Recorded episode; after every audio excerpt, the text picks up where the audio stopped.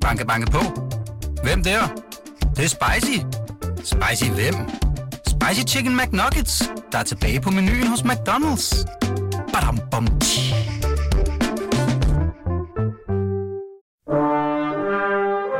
Du lytter til Radio 24-7. Den originale teleradio. Velkommen til Flaskens Ånd med Poul Pilgaard Jonsen. Så nu er det også begyndt at ligne og virke som forår. Ja, Endelig. det skete på min fødselsdag simpelthen. Gjorde det det? Ja, det gjorde det. Hvilken dag var det? Det var den 18. marts. Okay. Jeg har også arbejdet hårdt og længe på det. Skål. Skål. Mm, det dufter godt. Åh, oh, hvor smager det godt. Hold det op. Mm. Jeg har slet ikke fået fortalt, hvad det her program går ud på endnu. Lotte Andersen. Nej, du må endelig sige noget for. Jeg blev lige så øh, optaget af den der vin. Jeg skal mm-hmm. fortælle dig, hvorfor om lidt. Ja. Øh, for jeg ville jo egentlig have sagt, at, øh, at det er meget passende, når nu foråret er kommet, skulle Ja. handle om kærlighed. Både den lykkelige og den ulykkelige, Ja, kan vi sige. det er rigtigt. Og grund til, at jeg så øh, lige kom fra det, fordi jeg havde glædet mig sådan til at smage den her vin. Det er, det er fra et område, der hedder Puy Fusé. Det er, det, er, det er sådan navnet for hvid vin fra, fra det distrikt, der hedder Mâconnais, mm-hmm. som ligger omkring Macon.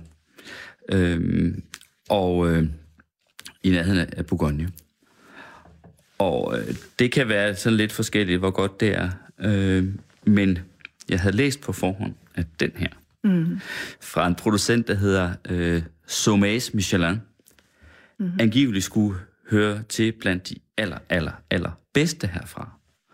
Og at øh, øh, det, der hedder La Revue du Vin de France, som er sådan et, øh, et vintidsskrift, og som er det, hvad hedder, skal man sige, det mest... Øh, er det mest respekterede i Frankrig. De siger, at vinene fra, fra den her producent uden problemer konkurrerer med første kry vine fra, øh, fra Côte d'Or, altså fra, hvad skal man sige, fra det egentlige Bourgogne. Mm. Ja, og øh, det gør det jo, for det smager jo fantastisk godt. Jeg ved ikke, hvad du synes. bare sidde og dufte til den. Ja, det der er en Det helt, kan man jo bare. helt vidunderlig duft. Blomstereng og... Ja, det må man sige. Ja, Ja, det er nemlig blomstereng der. men det er godt. Lige nu. Le Court de Long hedder, hedder marken her, det kommer fra. Og det er fra 2016, det er jo, ikke, det er jo ret ungt, men øh, det drikker godt nok dejligt mm. lige nu. Altså, jeg ved ikke så meget om vin, men jeg elsker at drikke det. Hov, se, der kom jeg til at faktisk banke bunden af glasset ned i, jeg troede- i mikrofonen jeg troede, her. Det kunne lytterne sikkert lød høre. Nej, nej, dog Nå, ikke. Dog ikke. Dog ikke. det kunne man godt få lov at lyst til, ikke? Hvad hedder det? øh, Jeg, jeg, har fået, øh, jeg har fået flasken over fra et øh, vinfirma i nærheden af Horsens, der hedder Vinova. Ja. Eller i Horsens, der hedder Vinova, som, øh, som importerer den her. De meddeler mig, at øh, den er biodynamisk, og det er et ægtepar, der hedder Christine og Roger Sommes, som siden 2006 har drevet den her ejendom, og altså kørt den helt i top. ja. Der er noget Så et fælles projekt. Øh, Biodynamisk. ægtepar- Ja, det er der. Ja. Ja. Der er jo, det kan jo nogle gange give nogle fantastiske resultater. Og så et ægteskab, som du siger. Og så et ægteskab, Ja. et ægte par her bag det her øh, meget vellykkede projekt, og så kan vi jo naturligt komme over til det, det handler om, når vi lige har taget en En skål mere. Ja. Skål. Skål. Skål. Nemlig det med kærligheden og med ægteskabet, fordi den helt aktuelle grund til, at du er her, mm-hmm. du kunne godt have været her af alle mulige andre grunde, for behøver, der behøver ikke være noget aktuelt for at komme i flasken til ånd. Nej. Man skal bare være et øh, menneske, som jeg har lyst til at sidde og tale med en time. Det og det har jeg med dig, meget. Lotte Andersen. Tak. Øhm, og jeg håber, vi kan nå at tale en masse om en masse andet også end Karl Nielsen, komponisten, og hans kone, Anne-Marie. Karl Nielsen. Karl, Anne-Marie Karl Nielsen. Ja. Ja. Hun fik hans navn. Fik hele hans fulde, navn som efternavn. Hans fulde navn, ja. Ja. Fordi du og øh, en veninde, ja. Amalie Kestler, som er journalist, og er hun ikke er hun er, Lige nu er hun redaktør faktisk uh, chefredaktør, vikarierende chefredaktør på politikken. politikken. Ja. ja. I udgiver simpelthen sådan, hvad skal man sige, nogle kommenterede kærlighedsbreve, Ja. kan man sige. ja, det kan man godt sige. Kurateret og kommenteret. Præcis. I har valgt nogle af det her ægtepars kærlighedsbreve Ja. ud, og så, så, hvad skal man sige, fortæller jeg lidt historien imens, eller undervejs og imellem Ja, nogle af de her breve. ja. Og øh, det er jo øh, må man sige. ja, det må man sige. Stor kærlighed, øh, stor samhørighed også, fordi de begge er kunstnere. Hun er billedhugger, Ja, og meget dygtig billedhugger. Ja. Han er en stor komponist, ikke? Ja. Øh, og, øh, og de har noget sammen. Mm. I, virkelig noget sammen, og samtidig så er hun ude at rejse hele tiden, og han er utroskab, øh, så hurtigt som en hest kan rende, mm. når hun er afsted. Mm. Så, Jamen, så det skal jo gå galt, eller hvad skal man sige. Det, det er dømt til at gå så godt, som det går, og så galt, som det går. Mm. Fordi de er dem, de er. Og øh, altså, jeg, jeg fik øje på de her breve øh, i sin tid, fordi jeg blev spurgt, om jeg ikke ville lave en Carl Nielsen musikforestilling, og jeg havde fået 13 sange, som jeg bare skulle sætte i scene. Mm. Og så sagde Michael Bøjsen, som var ham, der inviterede, han sagde, du må selv om, hvordan du ligesom vil iscenesætte. Du kan selv finde på en historie, eller også så kunne du prøve at kigge i deres breve, Carl Nielsen og hans kones breve. De er lige blevet udgivet, altså det blev public domain. I 13 var det. Og øh, der var vist noget med, at de havde et ret moderne ægteskab. Og så tænkte jeg, okay, det kan jeg da lige undersøge. Mm. Og så øh, fik jeg lånt nogle bøger hjem og åbnede, og så hang kæben simpelthen helt nede på knæerne, fordi der skete et eller andet, da jeg læste. Altså, det, det var som om, at det sprang op af papiret og blev levende for mig i en, en grad, så jeg synes, at det var så egnet til at sætte på, på en scene, først og fremmest. Øhm, og sproget var så godt og så billedrigt, mm. og dramaet var så smertefuldt og forfærdeligt, altså, øh, og moderne, at det ville egne sig rigtig, rigtig godt.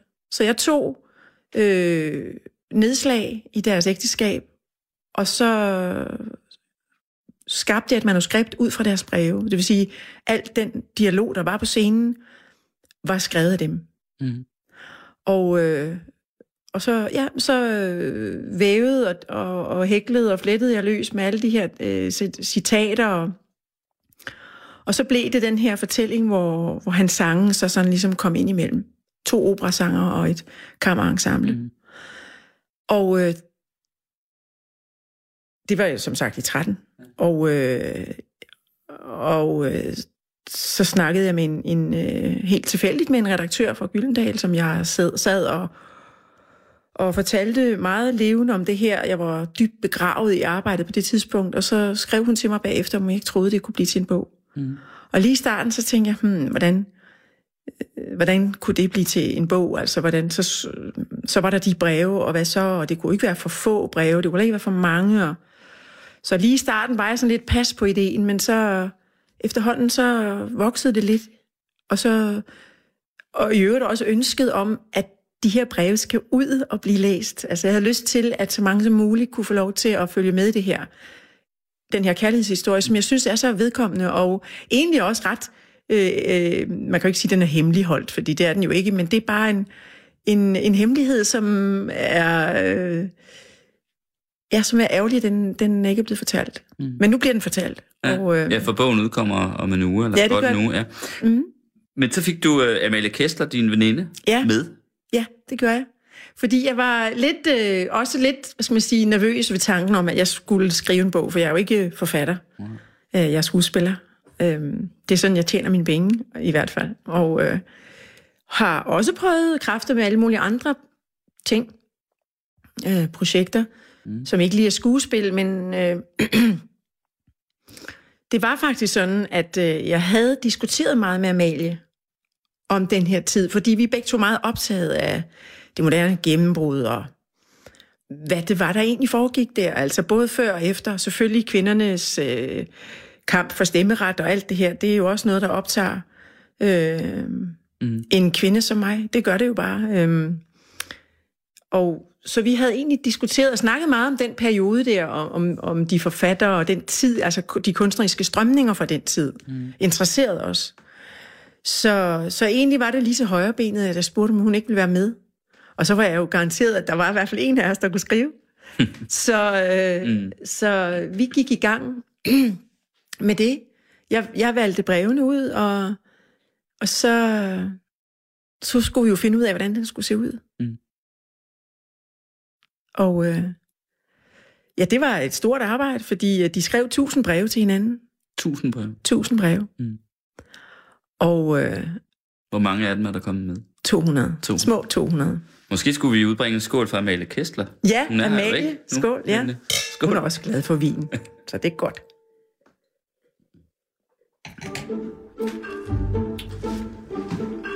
Ja. Så man kan sige, at det er Det er jo- en historie, der har været hos mig mm. rigtig, rigtig længe. Mm. Og den, øh, den bliver ved med at... Den, jeg synes, den bliver ved med at være interessant. Lige nu er jeg faktisk i gang med at indlæse den som lydbog. Mm. Hvad, hvad tænker du om deres kærlighed, Carl Nielsen og, og Anne-Marie Carl Nielsens? Mm, Jamen, jeg tænker jo først og fremmest, at øh, det er en, altså, det er en love story, ja. hvor alt er, der skal være i en virkelig, virkelig god kærlighedshistorie. Der er øh, en fantastisk forelskelse, der er den lange, modne kærlighed, der er utroskab, der er svigt på andre måder, der er stor passion, og der er karriere, der skal tilgodeses. Og så er der et, en skilsmisse, Gud hjælp mig, og sygdom, altså virkelig øh, alvorlig sygdom. Og så er der selvfølgelig, at øh, de får hinanden i enden. Ja, de får hinanden til sidst. Ja, det gør de. Eller rettere, hun tager vel ham til noget. Ja, hun tager ham til han er noget. blevet syg. Ja, han får et, han er jo et, en, en hjertepatient. Han har ja. sådan noget angina pectoris, tror jeg, Ja. det hedder. Og det finder han ud af ret tidligt i sit liv. Øhm, og øh, det lever han så med og passer på, og de skriver også lidt om det i, i brevene, hvad han ligesom, hvilke forbehold han skal mm. tage. Men på det her tidspunkt, der har de jo så været skilt øh, i et par år, og så går historien sådan, at han er inde på det kongelige teater, maskerade skal genopsættes. Øhm, det er hans Holberg-opera. Øh, øh, og så er han jo en lidt ældre herre, men han vil gerne være med, hvor det sner, og han render rundt, og så er der en, der siger, at der er et eller andet med en lampe, der lige skal rettes til, og så hedder historien, at han så kravler op og skal lige rette den lampe, og det kan han så åbenbart ikke tåle. Mm. Der er nogen, der siger, at det er måske sådan lidt en, en, øh, en overdramatisering af, hvad der faktisk skete. Men i hvert fald, så, så sker det under øh, prøverne, og generalprøven, tror jeg faktisk. Mm. Så han øh, falder sammen, og... Åh oh, nej, nu, nu sidder jeg faktisk og... Jeg sidder og fortæller dig historien om, hvordan han døde. Det er jo Ja. ja. forkert. Den lader vi ligge. Den lader vi lige ligge. Det, Han- det er mere interessant her, at Ja. hun tager ham tilbage, Ja, efter får- at de er blevet skilt. Ikke? Ja, efter beskilt, ja. det er rigtigt.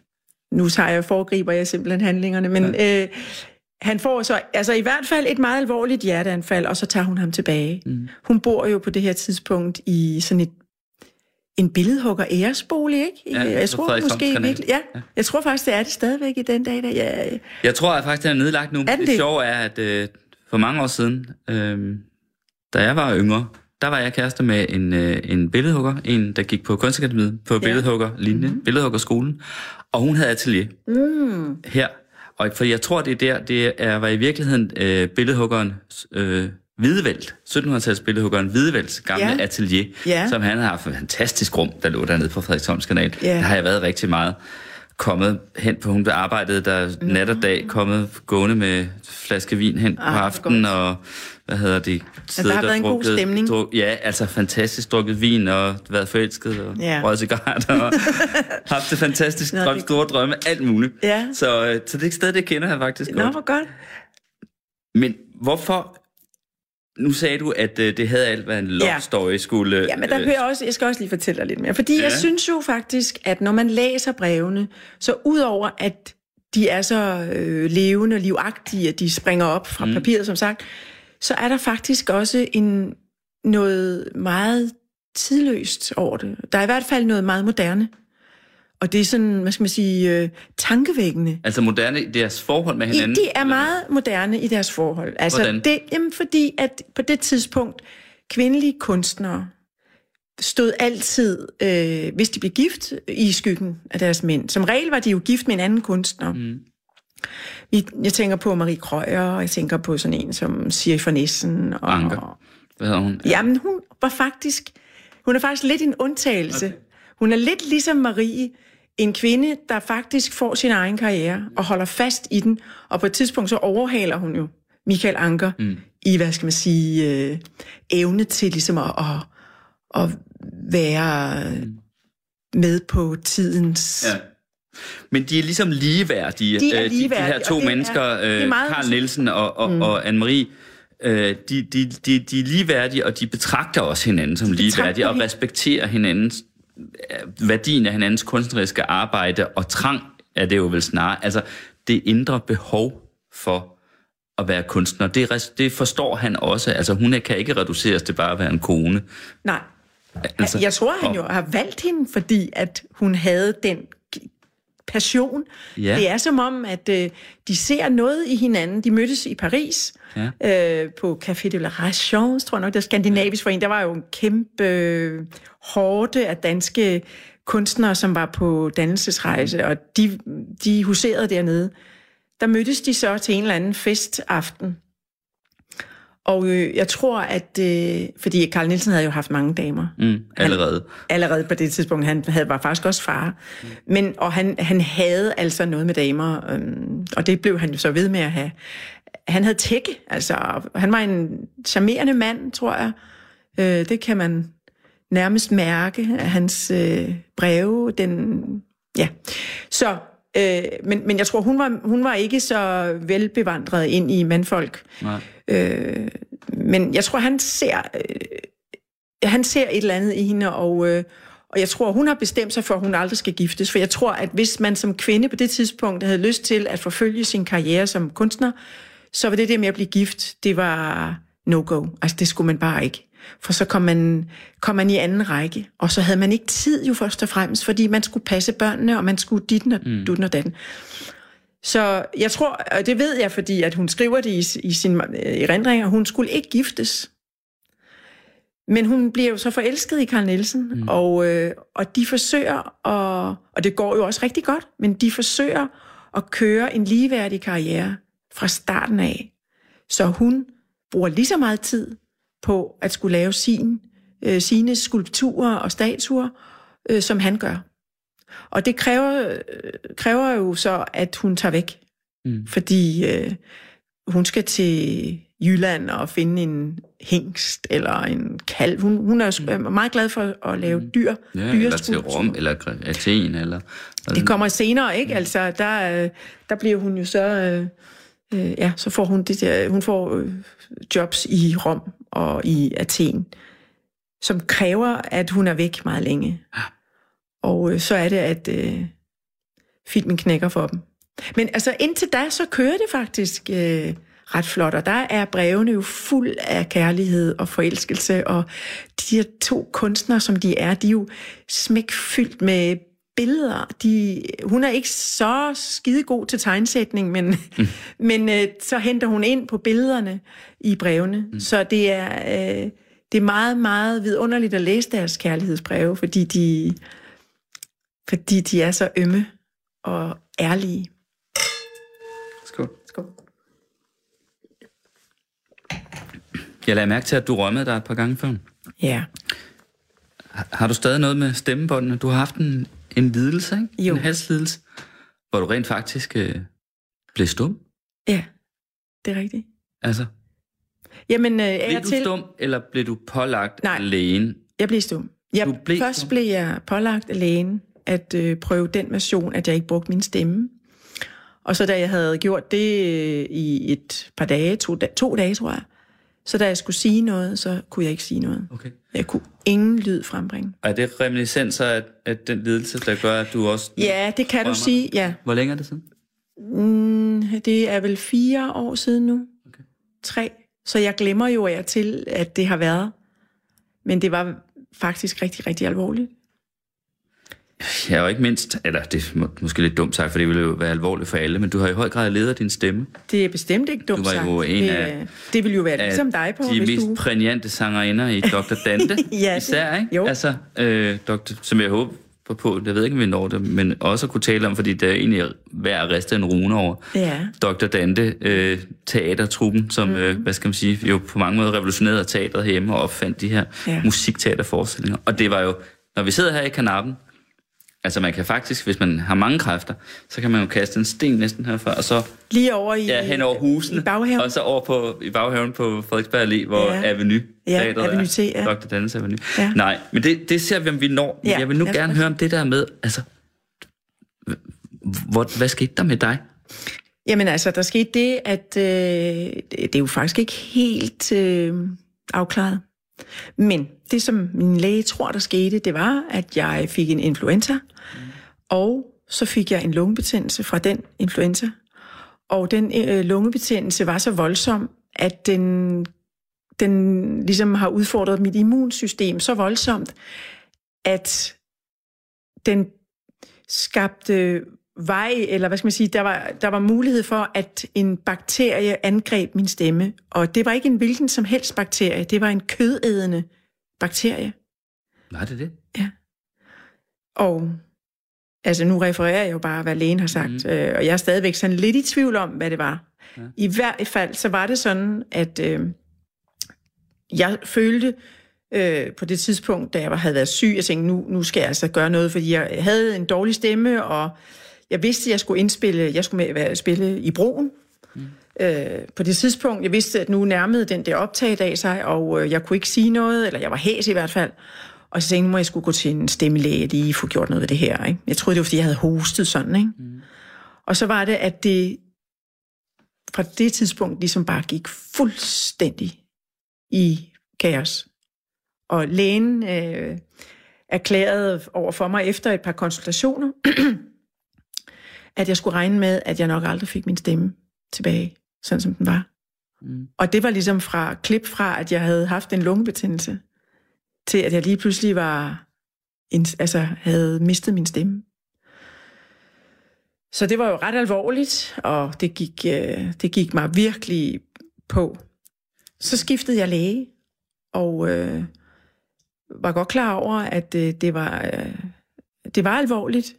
Og øh, han sagde også, han havde kigget mig i halsen, og han kunne ikke identificere, hvad det var. Der var mine stemmelæber var ligesom om de var frosset til is, hvis du kan forestille dig. De skal jo ellers være sådan lidt... De skal vibrere jo. De skal vibrere, ja. de skal lige, de skal have sådan en smuk, lyserød, kødagtig farve. Ja. De her, de var helt hvide, blåhvide af et eller andet, som ingen kunne identificere. Og øh, så gik han så i gang med den helt store udredning, og jeg fik taget blodprøver, og jeg ved ikke hvad. Og han fandt så ud af, at der var en eller anden meget aggressiv influenzavirus, der øh, havde, havde fået adgang til min stemme. Mm. Og den havde så et alt muskelvæv i min stemme.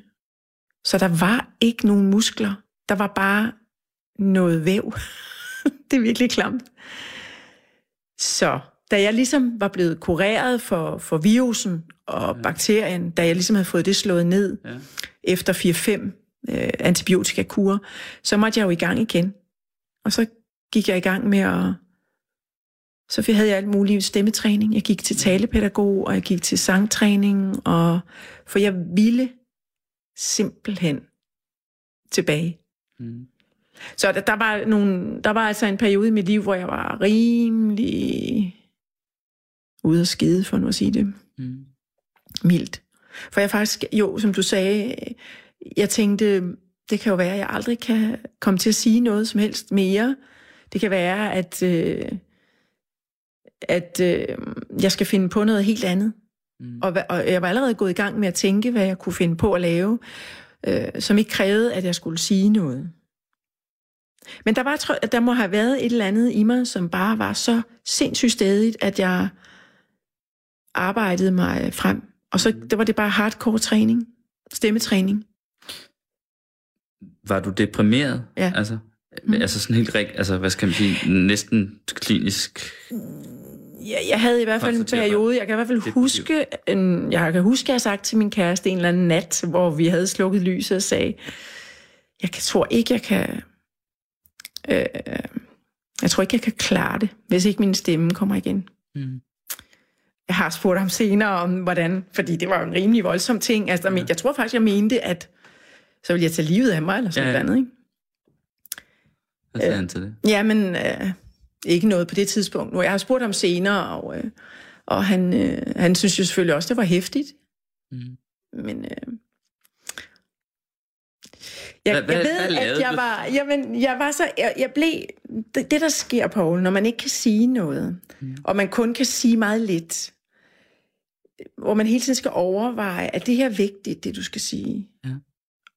Så finder man ud af efterhånden, nej, det, det er sgu ikke rigtig vigtigt, det du skal sige, det her. Det kan du godt lade være med at sige. Så næste gang, du ligesom får lyst til at sige noget, så tænker man, er det vigtigt det her? Nej, det er sgu egentlig ikke så vigtigt. Og til sidst, jeg ved ikke, om du kan forestille dig, hvad der mm. så sker, så er der lige pludselig ikke noget, der er vigtigt for dig. Og det går jo indad. Mm. Altså, at øh, det er ikke vigtigt, Nej. om du er der. Det er ikke vigtigt, det du siger. Så det, det er jo enormt, øh, det, det går ind jo på din psyke, og psyker en. Så jeg blev enormt indelukket. Altså, jeg, jeg ved, at jeg på det tidspunkt, der spillede jeg sådan et underligt japansk spil på min telefon, og min søn opdagede, at jeg var blevet den tredje bedste i verden til at spille det spil, efter en japaner, mm. fordi jeg brugte al min tid på det. Mm. Sad med den, fordi jeg kunne ikke sige noget, og jeg kunne ikke... Øh... Og folk blev også meget rystet, når de hørte min stemme, for jeg lød som et æsel, når jeg talte. Mm. Så jeg kunne ikke bære, at... Øh... Så du kom til at føle dig tom? Eller? Ja, jeg fø- følte mig enormt tom og mm. ensom, og Mm.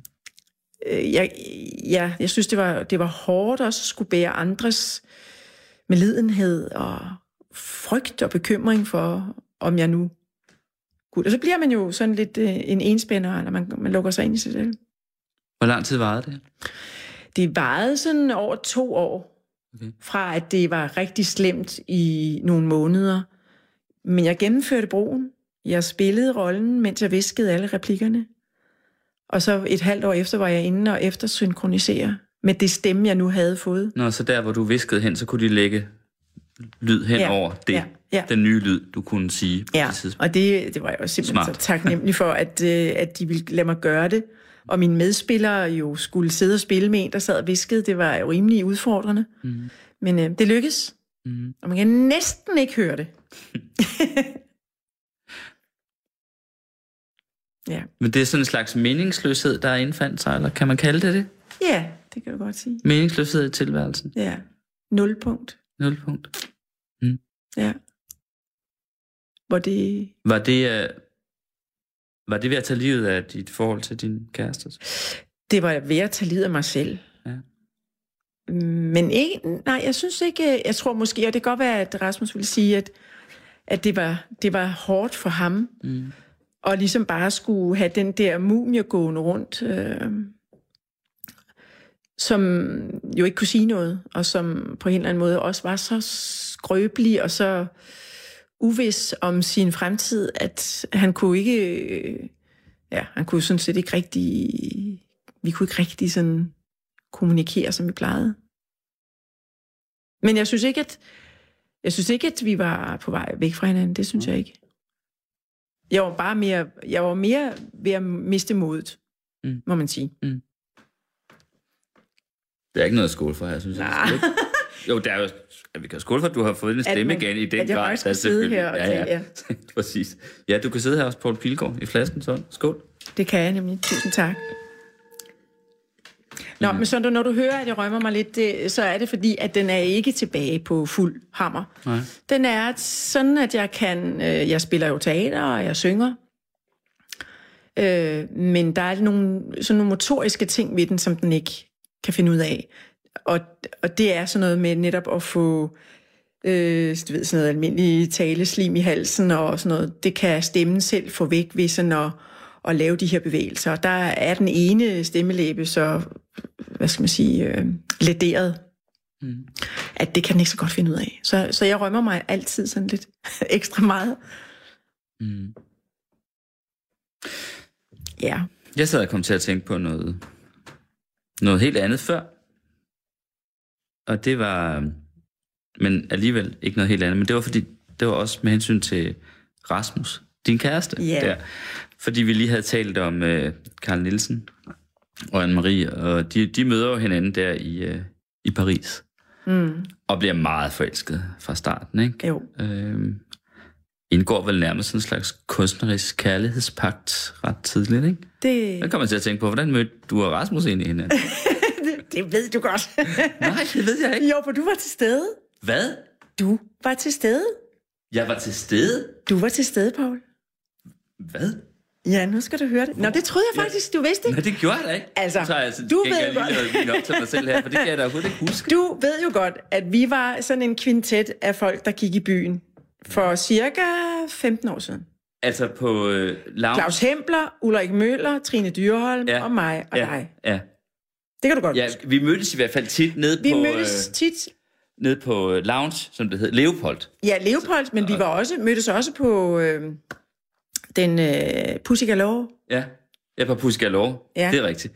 Og på, det var dengang, det var hip, det er det godt nok ikke længere. Nej, det, var, det Og var hip dengang. Ja. Det var super hipt. Jamen, ja, Og der det er klar over. havde vi en, øh, der havde vi sådan en øh, hobby, eller ej, vi, vi mødtes faktisk og drak, Ja. og var fest i festfolk, ikke? Det gjorde vi. Og, Det er øh, sjovt, fordi vi var jo ikke venner på den måde. Vi Nej, har aldrig nej. været hjemme hos hinanden. Nej, nej, vi, eller var, noget, vi mødtes men vi kun mødtes i byen, der på og det der havde, øh, Ja. havde lyst til at feste og ja. drikke vin og sådan Ja. noget. Og en af de aftener, der mødte jeg Rasmus. Ja. Og der var du der også. Okay. Og vi gik videre på rust. Og jeg kan huske, at vi diskuterede, for vi diskuterede altid projekter, vi havde gang i. Og du havde altid gang i noget med noget, du skulle skrive, og jeg havde jo gang i mit øh, skuespillerting og sager. Så du var faktisk til stede. Nå, Er det ikke sjovt? den aften mødte hinanden. der mødte vi hinanden, ja. Og hvad mødtes I så over? Jamen Mødtes altså, vi, ikke over mødtes, sådan- vi, vi ville jo aldrig have mødtes, hvis ikke vi mødtes helt tilfældigt i byen. For vi havde ingen fælles bekendte eller venner. Så det skulle ske øh, ved sådan et, øh, ja, sådan et øh, tilfældigt møde. Og så Under mødtes vi faktisk. en del alkohol. Ja, under indtagelse af noget alkohol, ja. Ja. det må man jo sige. Og, øh, og vi, øh, vi, det, vi startede med at skændes helt vildt. Altså sådan lidt, Mm. Ja, sådan lidt for sjov måske. Men vi skændtes om det der med at være øh, fra, fra Jylland Ja. og være fra Fyn, for jeg er jo fra Fyn. Og så øh, være blevet øh, hvad hedder, konverteret til at være københavner, ikke? Ja. Ja. som vi jo begge to Ja, var. ja. Og det fandt, fik vi meget tid, øh, tid til at gå med at øh, skændes helt vildt om det.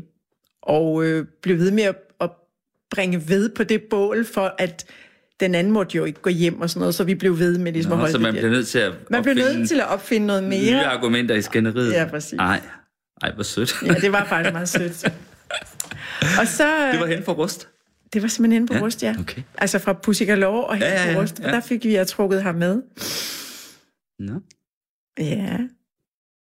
hvad skete der så? Jamen, øh, så skete der det, at øh, han faktisk kort efter... Øh,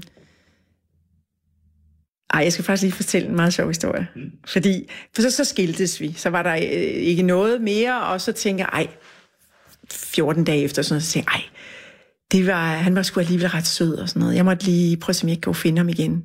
Jeg havde ikke andet, end jeg vidste, han hed Rasmus. Og så var jeg til fest hos Hella en aften. Eller Juf. Hella Juf.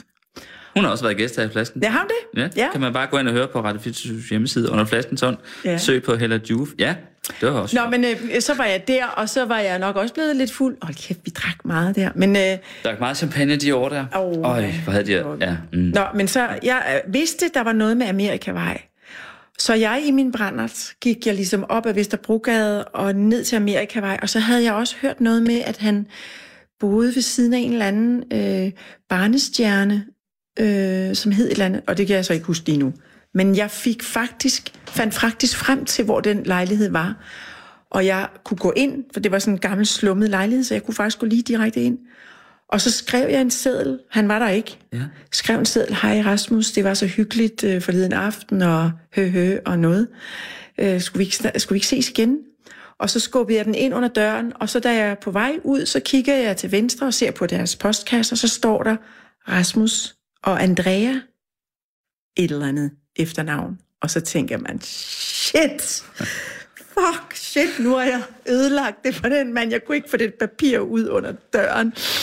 Så det var ligesom... Åh, for hende havde det lyttet som om, at de havde haft ja, sådan... og det havde vi jo også. Så Jo, jo, det havde I, men I havde dog ikke haft andet end en, hvad skal man sige, Nej. god aften. Altså, I I havde, havde- havde ikke I havde- været i seng sammen. Det var jo ikke rent Karl Nielsen endnu.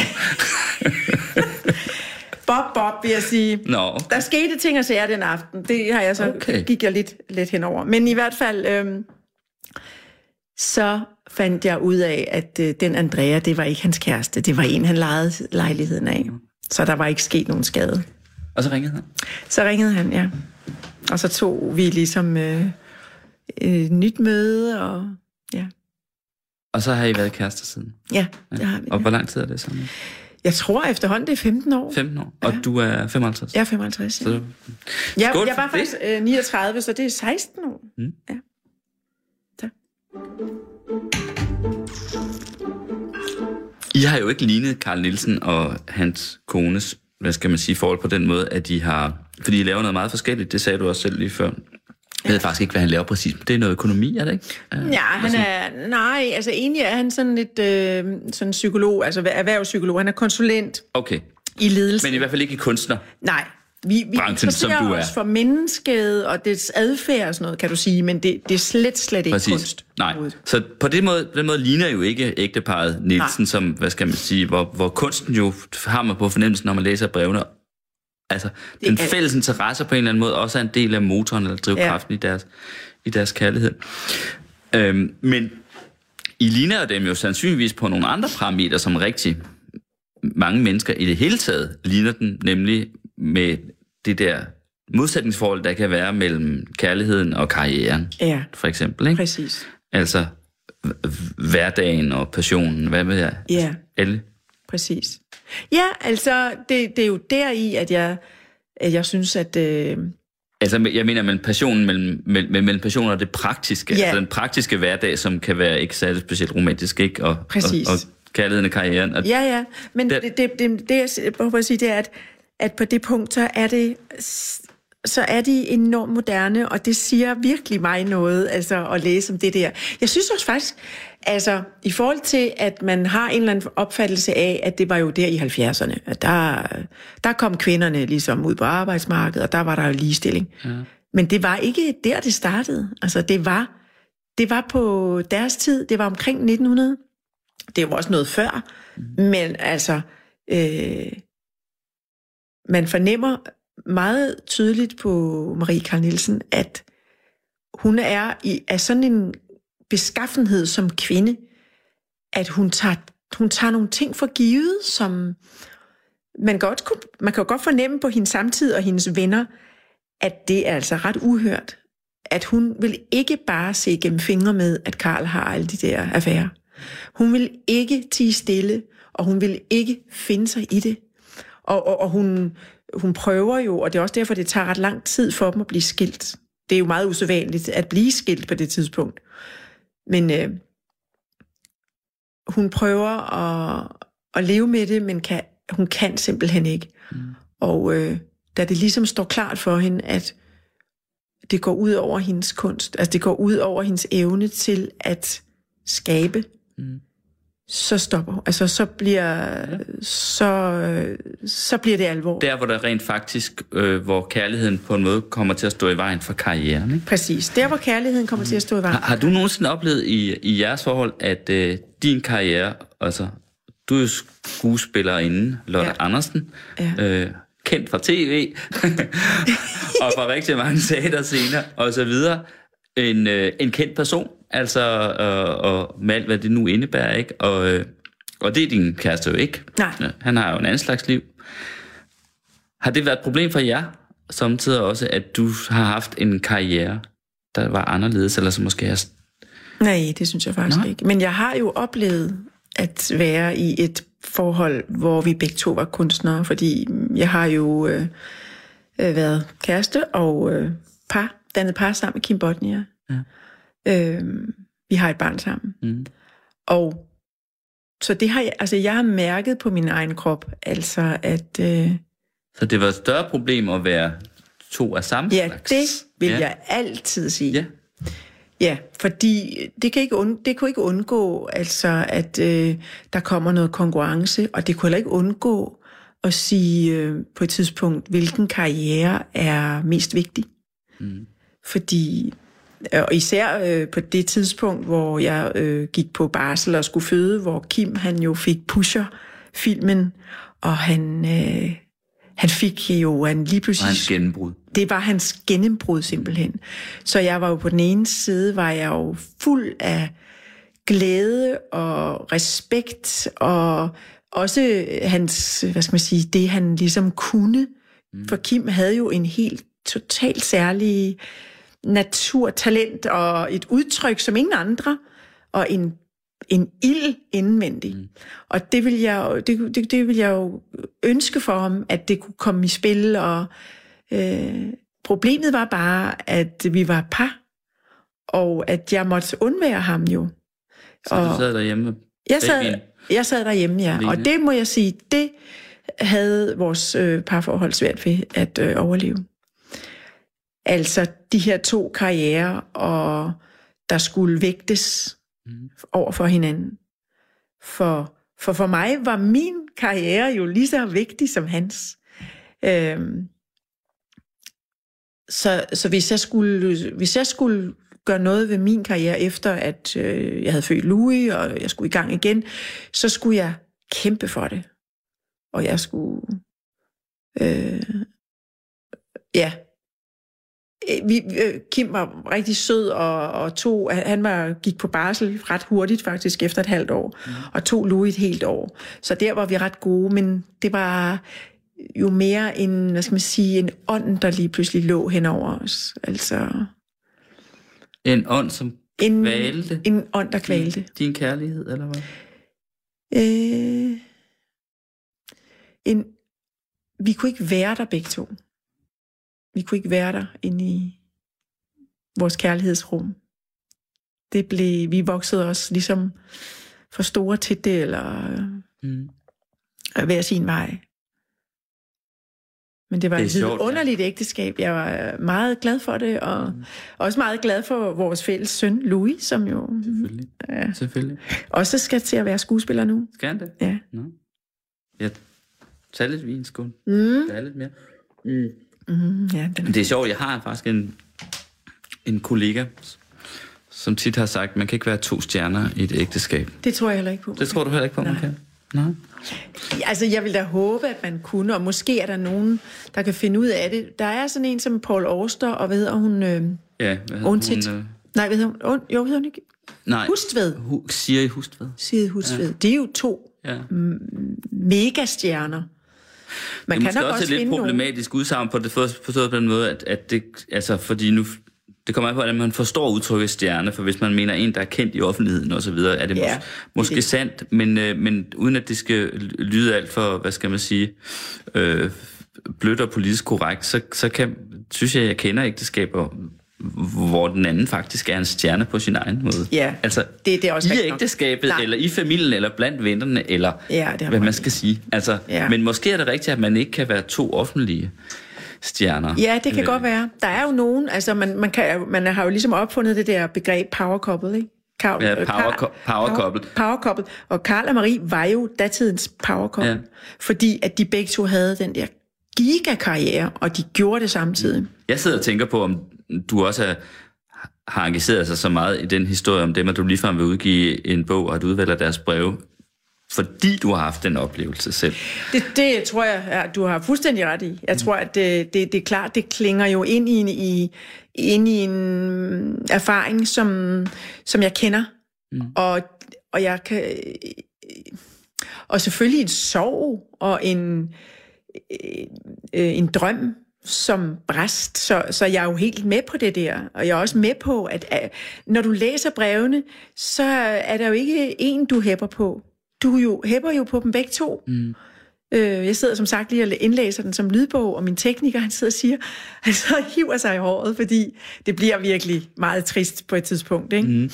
Så, øh, og han siger, at der er jo ikke en, man, man sidder jo ikke og siger, at han er sgu da en idiot. Jo, det gør man nogle gange, men så får han ligesom halet sig ind på det, og så er det hende, der er en, åh, tag dig nu sammen. Så man, man hæpper på dem begge to hele tiden at mm. det skal lykkes. Mm. Så det, er jo det, det synes jeg er ret fint, at der ikke er...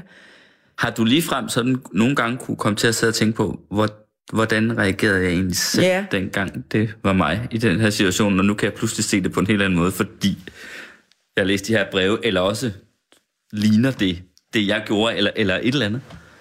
Det ligner jo sådan set lidt det, jeg gjorde, Ja. kan man sige. Ja. Altså, det var, ja, at det, det tog hende lang tid. Og det tog også mig lang tid på en eller anden måde. Øh, og, øh, og hun måtte øh, ligesom øh, holde sin karriere frem for sig. Fordi... Hvad Øh, mener du med, at han hun måtte holde den frem for sig? Jamen altså, hun, måtte, øh, hun skriver flere gange, at hun har holdt op med at kunne skabe noget som helst, fordi hun er blevet så dårlig, og hun er blevet så mistroisk, og så... Øh, Kærligheden ødelægger hende. Ja, den har, den har ødelagt også hendes øh, psyke, altså hendes stærke. Hun, hun siger, at hun er et søndagsbarn. Jo normalt er hun et mm. lyst og jysk sind, mm. men, øh, men hun er bare blevet til sådan en vrag, synes hun. Mm. Og øh, hvad hedder det? Hun øh, fokuserer øh, helt ind og får et tunnelsyn på sin kunst og siger, nu er det kunsten, det gælder. Og så må alt andet vige. Også Og- ægteskabet. Ud med Karl. Og børnene er heldigvis blevet store på det her tidspunkt. Ligesom du gjorde. Ja, ligesom jeg gjorde, det kan man godt sige, men...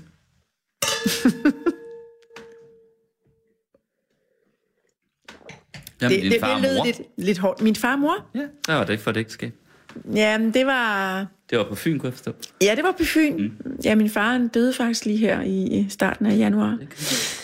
Øhm, jamen, det var øh, faktisk også et ægteskab, hvor man kan sige, at øh, kønsrollerne var byttet lidt om, så det var min mor, der var den, øh, øh, den der krævede noget af os og forlangte af noget, og min far var den eftergivende og den, den bløde og blide, Okay. og den meget sådan rummelige. Okay. Og, Nå. ja, så, så det hele var byttet helt om. Jeg ved ikke noget som helst om, om din barndom og, og din baggrund egentlig, men umiddelbart synes jeg altid, hvis jeg sådan skulle sige, altså sådan ud fra, når man møder dig og ser dig, den måde, du fører dig på, og holdning, taler osv., så, videre, så vil jeg tro, at du ligesom kom fra sådan et, et øh, selvbevidst hjem. Måske, det er måske ikke et overklasse, men sådan lidt pænere miljø. Ja, men altså i, jo, i sådan fynske forhold, i odenseanske forhold, så var, kom vi måske sådan lidt fra højere middelklasse. Hvad lavede din far? Min far han var direktør for et øh, sådan et øh, møbel kontor maskine firma, som sådan var sådan Er det så halvstor. mange møbler derhjemme? Det var kontormøbler. Okay. Vi havde, vi havde, vi, vi, vi havde mange øh, kuglepind og papir og, og kun, hvad hedder det, skrivemaskiner. Ja. Hvad lavede din mor så? Min mor, hun var hjemmegående. Okay. Ja, så det var egentlig et meget klassisk øh, hjem. Men, men hun øh, gjorde meget ud af hele tiden at sige til os, at vi skulle aldrig lade os forsørge af en mand. Vi skulle aldrig gøre som hun. Okay. Det er jo lidt svært nogle gange. Man, man, øh, man siger jo, at børn ligesom lærer af eksemplet og ikke, mm. ikke prædiken. Mm. Men i det her tilfælde, så tror jeg nok, hun har, hun har fået det banket godt og grundigt ind i hovedet på os. Vi er tre søstre. Ja. Ja. Hun var ikke helt tilfreds øh, med det, tror jeg. Hun gjorde det Ikke helt tilfreds med hvad? med at øh, blive hjemme. Hun, på et tidspunkt, så går hun faktisk også på universitetet og, og begynder at læse og sådan noget igen. Men øh, ja. Det er jo så ikke sådan bevidst gjort. Jo, bliver bevidstgjort. Hun er jo ja. gennem sådan øh, 80'erne. I 80'erne bliver hun sådan lidt... Øh, øh, får hun lidt... Øh, Du sidder og laver sådan nogle runde bevægelser. Hvad mener du, hippie, det, eller ja, hvad? er fordi, hun blev lige Ja. pludselig hippie, men hun var, Nå. hun var jo en dame med hår, og hun var jo direktør frue og sådan noget. Ja, Ikke? som Med- bliver hippie. Ja, hun blev faktisk hippie og syede sit tøj selv. Altså jeg vil sige, hun har jo altid været... Vi jo, øh, hun er jo fra Falsled, så, mm. så hun er jo landmandsdatter. Mm. Øh, så, så, altså, så fin var vi heller ikke, at vi, øh, at vi ikke kendte, kendte livet på landet og Nå. dyrene og sådan noget. Hvad sagde din far til at se på sin kone der med Han var lidt over paf. det, så pludselig blev... Han var faktisk lidt paf over det, men han synes også lidt, det var lidt sjovt. Ja. Og hun ændrede, ændrede jo fuldstændig stil, og det var noget med og plantefarve og øh, mikromakromad, og der var alle mulige tidens... Ja. Og det kunne deres ægteskab godt. Det kunne Holde sagt- til ja, eller det rumme. faktisk godt. Ja. Det kunne det godt. Så de forblev gift, Ja, det gjorde det. indtil din far døde her Ja. i januar. Ja. Det der lyder som en lykkelig historie. Ja, jo. Jo, Jo, det var det. Ja. Med plus og minus. Altså, selvfølgelig har der Jo, været jo. alle mulige diskussioner undervejs. Og, men men øh, de, øh, de havde et godt ægteskab. Det sagde han også, øh, da han døde. øh, Lige før han døde. At han han synes, det? han havde haft et godt liv og et godt ægteskab. Altså, hvem sagde han det til? Det sagde han til os. Nå. Mm. Og I var hjemme, eller? Vi Derhen, var, hvor han... vi var der, da han døde. eller? Ja, vi var på hospitalet. Vi, de nåede at ringe til os. Og faktisk så tilbragte jeg hele nytårsaften sammen med ham og mine to søstre, hvor vi skålede i champagne og drak, øh, øh, spiste kransekage, og øh, vi fik lov til at sove ude hos ham. To nætter. Og så døde han. Mm. Så vi fik noget at Og snakke. sagde, at han har haft et godt Ja, det som noget, nogle af sine sidste ord. Jamen noget af det sidste, han sagde, var faktisk, ja. altså han klappede min mor på hånden og sagde, det har været godt. Det bliver jeg rørt af. Ja, det gør jeg Skal vi ikke også. tage en skål? Skål. Vi har faktisk ikke så meget tid tilbage. Produceren i et birk, hun sidder og giver mig et håndtegn. Ja, Man kan se, at der er fire fingre. Der er fire det betyder, at der er fire minutter tilbage. og eftermiddagssolen Det betyder ikke, at der er fire genstande tilbage. Så der er fire minutter. Nu tror jeg snart, der forsvinder en finger, så er der tre. Så jeg ved ikke, Lotte Nej. Andersen, hvor meget vi når at snakke om Dr. Dante, men jeg vil nu alligevel godt lige nå det faktisk. Ja. Altså, fordi...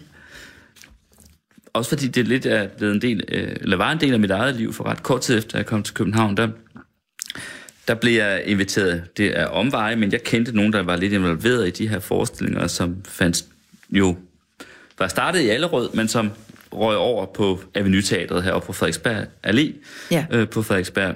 Og øh, det var faktisk øh, ham, der leverede vinen, Jørgen Kryf, vinhandleren. Ja, Det var, det var på den måde, Det jeg kom jeg i berøring med Dr. Dante, fordi Ja, ja, ja. Jørgen han leverede vinen. Han var altid, masser af øh, champagne så. Så han var inviteret med til er premiererne, rigtigt. og alt, Ja, ja, når der ja. skete noget, og så inviterede han mig med.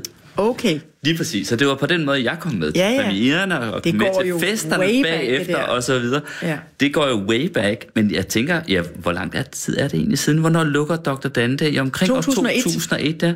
Ja. Så vi er der i 90'erne. Ja, vi er i 90'erne, helt klart. Men som jeg sagde før, det var jo noget af en revolution, altså, hvor unge mennesker pludselig begyndte at styre det ind for at komme i teatret igen, og Ja. så, så man så musik, dramatik, gasolin for eksempel, Ja. den berømte forestilling, gasolin Ja. var en af de berømte, så du Ja. spillede hovedrollen, eller en af hovedrollerne, ikke? Ja.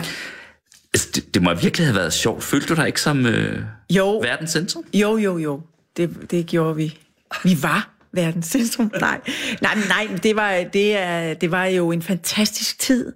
Og øh, vi, øh, vi var også sådan selv høje på vores øh, Fed, fedme? selvfedme. Nej, det vil jeg ikke. Nej, det lyder så negativt, men altså, men altså på, hvor fede I var. Jamen, Så det var I jo. Vi lavede altså, nogle fede ting. Jeg vil sige, lige med gasolin, ikke? Der havde, jeg kan huske, jeg tænkte, da, da Nikolaj ligesom foreslog det en eller anden, Ja. en eller anden gang, da vi... Nikolaj Sederholm, Nikolaj Sederholm, ja. startet Så tænkte jeg bare, ej, Nikolaj, gasolin, Kim Larsen, hvordan fanden? Fordi der var vi, der var vi jo ligesom nærmest bare... Øhm, vi var jo sådan 15-20 år kommet forbi det, eller skal man sige. Mm. Vi var-. Ja, præcis. Så, så vi var jo ikke sådan helt overstået, at det var stadigvæk var måske sådan lidt, var lidt sådan ydt, eller hvad skal man sige. Men Det var ikke noget at blive retro-smart endnu. nej, det var ikke noget at blive retro-smart. Det. Lige præcis. Ja, ja. Og, øh, og der så Nikolaj altså noget der, ved at øh, opfinde det her sådan magiske univers, som jo ikke går ind og skal fortælle Kim Larsens eller Gasolins historie, men tager sangene og om, øh, hvad hedder sådan noget, omdigter, Omdigter, ja. omdigter både musikalske teksterne beholdt vi jo, men hele iscenesættelsen blev jo ny og aktuel. Og I var mega populære, og det var helt nyskærende, øh, nyskabende. Så derfor må den der stjernefølelse jo have været virkelig fremme, fremherskende i jer, også i dig. Og det synes jeg er en meget sjov ting at slutte Jeg glæder mig i hvert fald over at tænke på, at det, det var, vi, vi skabte en, en ny trend med skuespil.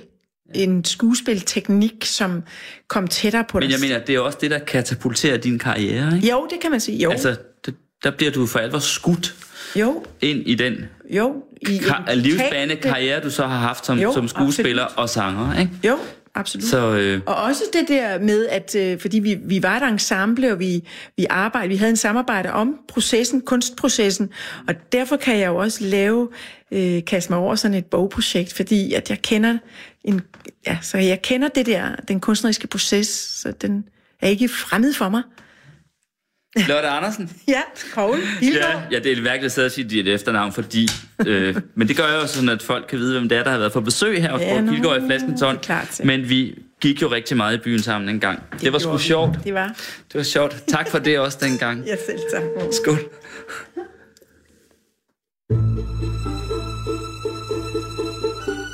Du lytter til Radio 24 /7. Om lidt er der nyheder.